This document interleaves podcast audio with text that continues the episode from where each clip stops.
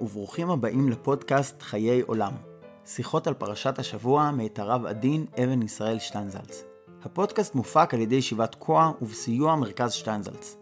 מרכז שטיינזלץ עושים דברים חשובים ומגניבים בתחומי היהדות והחינוך ואתם יותר מוזמנים ללמוד עוד ולהצטרף לפעילות הענפה בלינק המצורף לתיאור הפודקאסט. תודה שאתם איתנו. האזנה נעימה.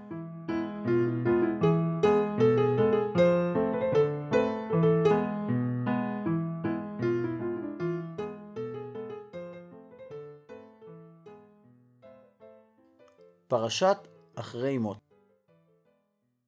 בדברי חז"ל ישנה רשימה שלמה של הסברים על מה מתו בני אהרון.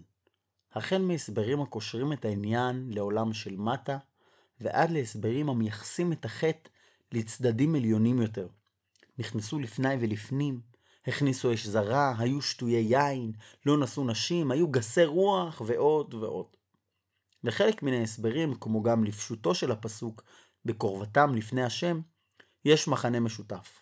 הם עשו משהו, נכנסו בעצמם או הכניסו אש שלא ברשות, מתוך תחושה של קרבה יתרה. הם התקרבו יותר מדי. הבעיה של קרבת היתר היא בעיה מתמדת עבור אלה שעומדים לפני השם, וביתר שאת עבור הכהנים כמשרתי השם. מרכזו של בית המקדש הוא בסדר העבודה, בפולחן. העזרה בה נמצא מזבח העולה ובה נערך סדר העבודה, היא בעצם במה המוגבעת במידה הגונה מעל הציבור. עזרת ישראל ועזרת הנשים נמצאות למטה, והקהל הגדול הנמצא בהן רק עומד וצופה, בעוד שהכהן הוא זה שבמידה רבה עושה את העבודה. הכהנים נמצאים לא רק לפני הקלעים, אלא גם מאחוריהם. הם חלק מהתהליך לכל אורכו. הם יודעים את כל המנגנונים ואת כל מה שמתרחש סביב.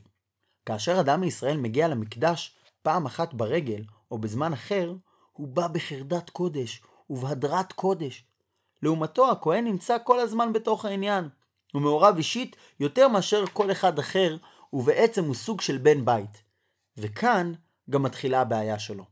הוא כל כך מעורב ומקורב, עד שבמידה זו או אחרת, ליבו מתחיל להיות גס בדברים. לכהנים יש אפילו כניסה משלהם לבית המקדש, והם נכנסים ויוצאים בו כרצונם, ואפילו ישנים בתוכו. כאן מתחילה הסכנה של התקרבות יתרה, של גסות הרוח שבאה מפני שאדם מעורב. כאשר אדם יודע הכל, ובעצם אי אפשר להסתדר בלעדיו, אז הוא מתחיל להרגיש קרוב. אפשר לראות איך עניין כזה מתגלגל ומדרדר במעשיהם של בני עלי. בני עלי לא בזו לעבודת המקדש וגם לא לדברים אחרים. הם האמינו, כשהיה צריך הם הלכו ונלחמו, ובסופו של דבר הם גם שמרו על ארון הברית עד מוות. אבל כשהם נמצאים בשגרה של המקדש, הם מתנהגים כמו בעלי הבית. באה למשכן שילה איזו אישה מסכנה, נניח שהיא ילדה ילד, יש לה סיבה טובה לבוא, ובשבילה זו חוויה גדולה. ואילו הכהנים עייפים, הם כבר ראו דברים כאלה עשרות אלפי פעמים. הם כבר מכירים את כל זה לפני ולפנים. אז הכהן ניגש אליה ומיד הוא שואל, מה עם הבשר? הוא מתנהג כמו קצב בבית המטבחיים. מדוע זה קורה? בגלל שכל חייהם הם בתוך המקדש. הם מרגישים כמו בני בית בבית המלך. ולאחר זמן היראה והמורא מסתלקים. זה לא אומר שבן בית איננו נאמן, זה לא אומר שהוא בז לעצם העניין, אבל הוא מתרגל ונעשה חלק קרוב מדי בתוך המערכת. מצד זה, חטאם של בני אהרון נובע מכך שהם חיו בתוך הקרבה הזו. בעצם, כשהם נכנסים לפני ולפנים שלא ברשות, או כשהם מביאים אש זרה, או כשהם נכנסים שטויי יין, זה בא מפני שהם מרגישים חלק מתוך המערכת. אדם אחר שבא אל הקודש, עושה הכנות וטובל שיניות טבילות, וגם אחרי כל זה הוא עדיין מרגיש מאוד מאוד מאוד מפוחד. בבני אהרון כתוב שהבכור היה נדב, ומן הסתם הוא הרגיש שהוא כבר כהן גדול. אז הוא פותח את הדלת, מזיז את המסך ונכנס. העובדה שיש מקום שהכניסה אליו אסורה בהחלט, פשוט לא מקבלת משמעות בשבילו, דווקא מפני שהוא נמצא כל כך קרוב. בעיה זו בולטת במשכן אפילו יותר מאשר במקדש, מפני שבמשכן אין אפילו את ההרגשה הזו של הסוד. במקדש יש חדר אחד, סגור מסוגר, קודש הקודשים. במשכן, במקום קודש הקודשים, הייתה קודם חתיכת מדבר, כמו כל חתיכת מדבר אחרת. על חתיכת מדבר אחת, הענן לפתע נעצר, וניתנת הוראה להרכיב את המשכן. ואם גדל במקום מסוים יותר מדי עשב או חצץ, אז מזיזים אותו קצת. פה יעמוד קודש הקודשים, פה יעמוד הקודש, פה יעמוד המזבח.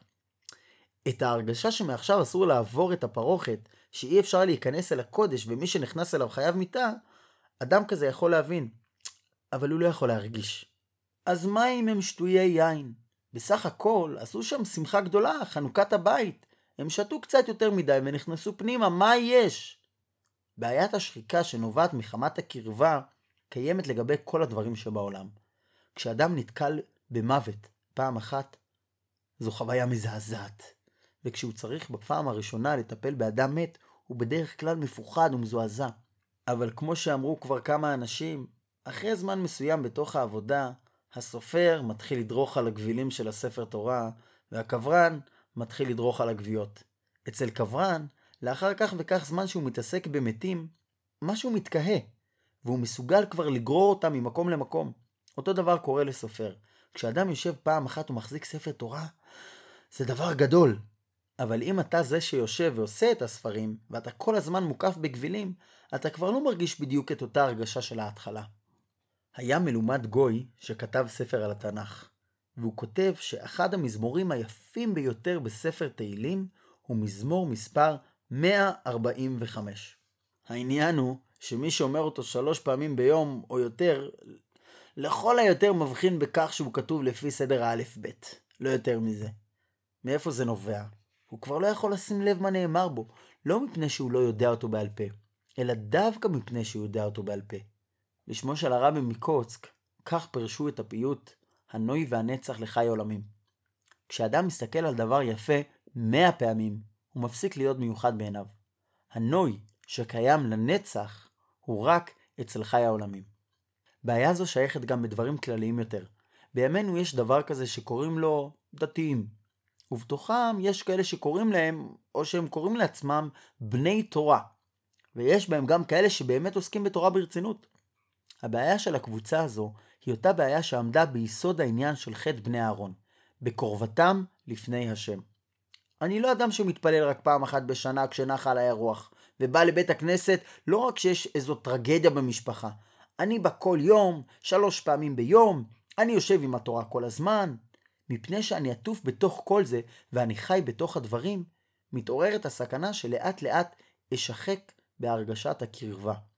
לאחר זמן אני לא מרגיש ולא יכול להרגיש את ההרגשות של מישהו שבשבילו זאת חוויה חדשה.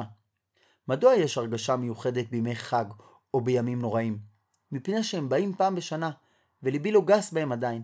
קשה לאדם להרגיש שלוש פעמים ביום בכל יום שהוא עומד לפני השם. כאשר אדם שאף פעם לא היה בבית הכנסת מבקר בבית הכנסת, קורה לפעמים שיש לו התרגשות הלב. אבל כשאני נכנס ויוצא, הולך ובא, זה הופך להיות חלק מהמציאות שלי, חלק מההוויה שלי. יהודי אחד התלונן בפניי פעם, שלמרות העניין הרב שהיה לו במשך שנים רבות, בכל מיני חוויות מיסטיות כאלה ואחרות, הוא תמיד נשאר בחוץ, ולא חווה שום דבר מעין הדברים הללו. והוא הוסיף, הדבר היחידי שיש לי מכל מה שעשיתי הוא, שבכל פעם שאני אומר שמע ישראל, עובר בי רעד. היהודי הזה בוודאי לא נחשב לאחד הרבנים שבישראל, אבל כמה אנשים משלומי אמוני ישראל, שלא היו מגולחים כמותו, ושלא למדו באוניברסיטה כמותו, ושלא היו מעורבים בכל הדברים כמוהו, כמה מהם יכולים לומר שבכל פעם שהם אומרים שמע ישראל, עובר בהם רעד? למה באמת זה לא קורה? מפני שאנחנו קרובים מדי.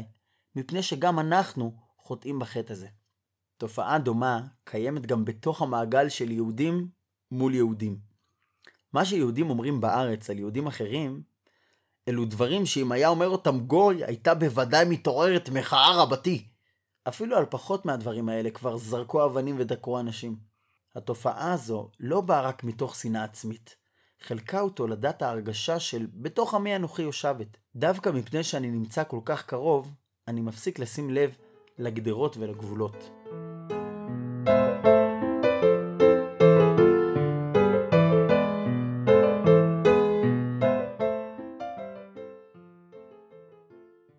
ויאמר משה אל אהרון, הוא אשר דיבר השם לאמור, בקרובי אקדש, ועל פני כל העם אכבד.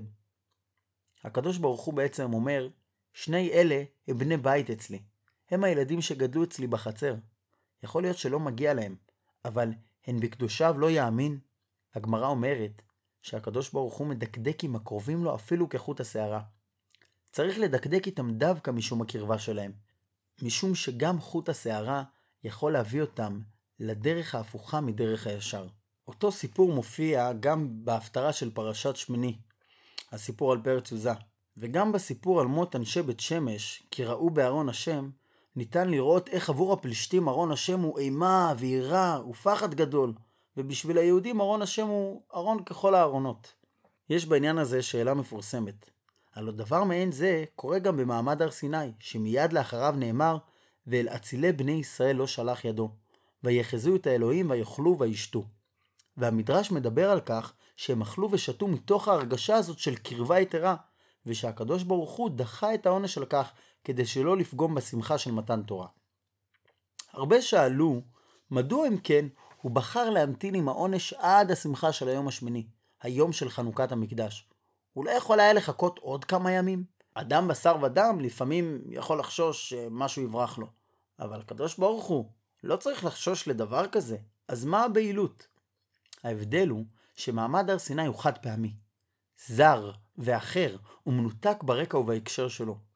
ואילו במקרה שלנו מדובר על המשכן. לכאן יבואו יותר מאוחר כל ישראל להביא את העולות ואת הזבחים, כל שכן במדבר, כאשר מקומו של המשכן הוא אפילו יותר מרכזי, משום שאפילו סתם בשביל לאכול בשר, אדם היה צריך ללכת למשכן לשחוט אותו. במקרה כזה חשוב לדעת ולזכור שיכול להיות גם רגע שבו בקרובה אקדש, שבו אנשים נענשים במיתה. יש הרס פנימי לאדם עצמו שבא בעקבות הקרבה היתרה, והוא מביא אצל אנשים אחרים להרס גדול לאין ארוך. אלה שיושבים בתוך העניין כבר לא מבחינים במה שהם עושים, אבל בשביל אדם אחר זוהי גסות שאין לה כפרה. אותו דבר שבשביל הכהן הוא הידרדרות של הפנימיות שלו. בשביל הישראלי זה שמביט מרחוק וצופה בזה, זו יכולה להיות שבירה של כל מהותו, מפני שבשבילו הכהן הוא כהן, יחד עם כל מה שהוא מייצג.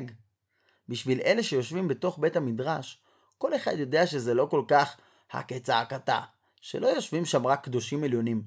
אבל בשביל מישהו בחוץ, לראות אדם כזה, שאחרים מצפים ממנו לכל מיני דברים, והוא גס בדבר, זה לא רק חילול של מהותו האישית, אלא של כל העניין שהוא מייצג. לכן, שגגת תלמוד עולה זדון, ואין מקיפין בחילול השם. בחילול השם, אדם לא מקבל הקפה מידי הקדוש ברוך הוא, אלא הוא נהרג בשוגג כמזיד, ואולי גם על האונס כעל הרצון. משום כך, זו אזהרה שמופנית דווקא לקרובים ולמקורבים שנמצאים כל הזמן לפני ולפנים. הם צריכים להיות מודעים תמיד לכך שהם עומדים מול הקודש. אצלם העונשים צריכים להיות הרבה יותר חמורים, כדי שעל פני כל העם מכבד. הם צריכים לזכור שקודש הקודשים הוא קודש הקודשים, ומחיצה של קודש נשארת מחיצה של קודש, גם אם הם נכנסים לשם כמה פעמים ביום. זה בוודאי הרבה יותר קשה. הרבה יותר קשה לרופא לחוש בכאב של האנשים, והרבה יותר קשה לקברן להיזהר בכבוד המתים. לא כמו במקרים אחרים, אצל בני אהרון, הקדוש ברוך הוא כביכול מטריח את עצמו לשרוף אותם בעצמו. ותצא אש מלפני השם. וכל זה מפני שהאנשים האלה עושים דבר שהוא כל כך מובן מצד עצמו, אך כל כך נורא מצד תוצאותיו לגבי כל הנוגעים בדבר. מצד אחד הוא מובן, מפני שהוא חקוק בטבע האדם, אין מה לעשות. אך תוצאותיו נוראות, מפני שהוא פוגע בגרעין הפנימי של האיש שנמצא קרוב. משום כך, רואה התורה בחומרה רבה כל כך את חטא הקרבה היתרה.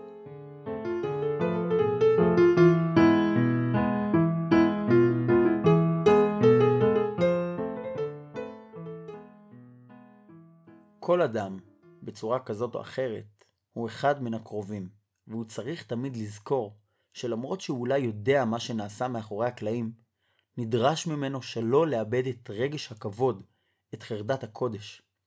אסור לו לאדם להרגיש שהוא פטור מהחובות של העמידה מרחוק, וזה בוודאי אחד הדברים הקשים ביותר לביצוע. אדם נבחן בכך בכל יום. האם אחרי שכבר התרגל להיות בקודש פנימה, הוא עדיין יכול להיות באותה עמדה של הזר, אותו זר עבורו הכל מצוי עדיין לגמרי במישור אחר? האם הוא מסוגל להיות בשני הצדדים בו זמנית, להיות בפנים, ולהרגיש בכל זאת כזר שבא בפעם הראשונה ולא יודע כלום?